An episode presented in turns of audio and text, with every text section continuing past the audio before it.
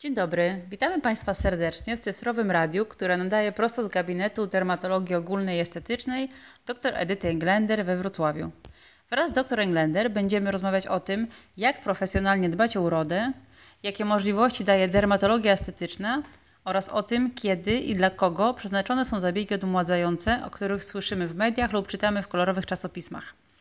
Zima i wczesna wiosna to jest bardzo dobry czas, żeby zadbać o zdrowie swojej skóry i o urodę. Jest to dobry czas z tego powodu, że nie ma y, intensywnego opromieniowania słonecznego i po wszelkich zabiegach nie ma ryzyka powstania przebarwień. W tym czasie bardzo chętnie i często wykonujemy zabiegi takie jak złuszczanie skóry i zabiegi laserowe. To są zabiegi, których zdecydowanie mniej wykonujemy latem właśnie ze względu na promieniowanie słoneczne. Jednym ze wskazań do wykonywania zabiegów laserowych jest skóra naczyniowa, rumień na skórze naczyniowej, a także trądzik różowaty. Rumień, czyli rozszerzone naczynka, potocznie zwane pajączkami, które pękają pod wpływem zmian temperatur i przyprawiają o zawrót głowy niejedną kobietę. Skóra naczyniowa to jest taka skóra, która reaguje rumieniem na wiele sytuacji na stres, na emocje, na niektóre składniki diety, na wypity alkohol. Również y, to jest skóra, która będzie się czerwieniła przy gwałtownych zmianach temperatury, na przykład przy przechodzeniu z zimnego do ciepłego pomieszczenia. Skórze naczyniowej, rumieniowi często też towarzyszy duża nadwrażliwość i pieczenie skóry po zastosowaniu kosmetyków. Pacjenci często skarżą się na to, że nie tolerują żadnych kremów, żadnych kosmetyków.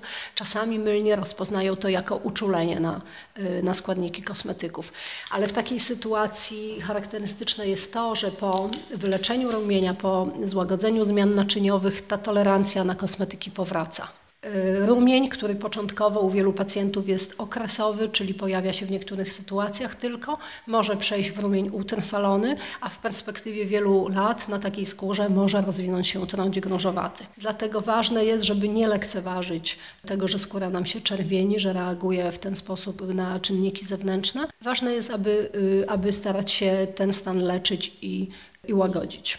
W naszej szerokości geograficznej często mylnie uważa się, że my mamy taką słowiańską urodę, że taka dziewczyna z rumieńcami lub dziewczyna, która się rumieni pod wpływem emocji, że to jest naturalne. To niestety nie jest naturalne, to jest zawsze patologia. Trądzik różowaty, taki w pełni rozwinięty trądzik różowaty, to są zmiany, które występują na tle rumieniowej skóry, a są to zmiany najczęściej krostkowe i grudkowe. W późnym okresie trądzika różowatego najczęściej u mężczyzn dochodzi też do takiego rozwoju formy przerosłej. Często się obserwuje taki przerosły nos. To jest ta ostatnia schyłkowa postać trądzika różowatego.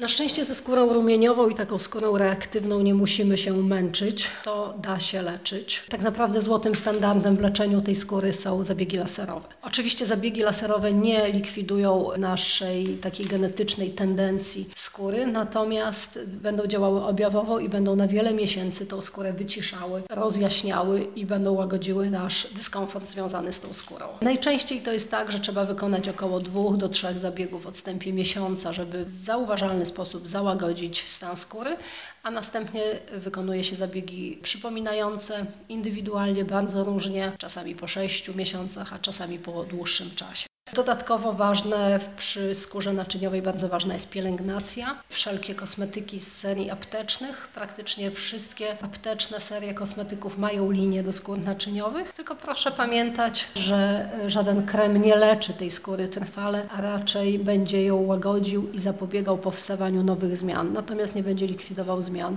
już istniejących. Dziękuję za rozmowę, a Państwa już dziś zapraszam na kolejne audycje naszego cyfrowego radia.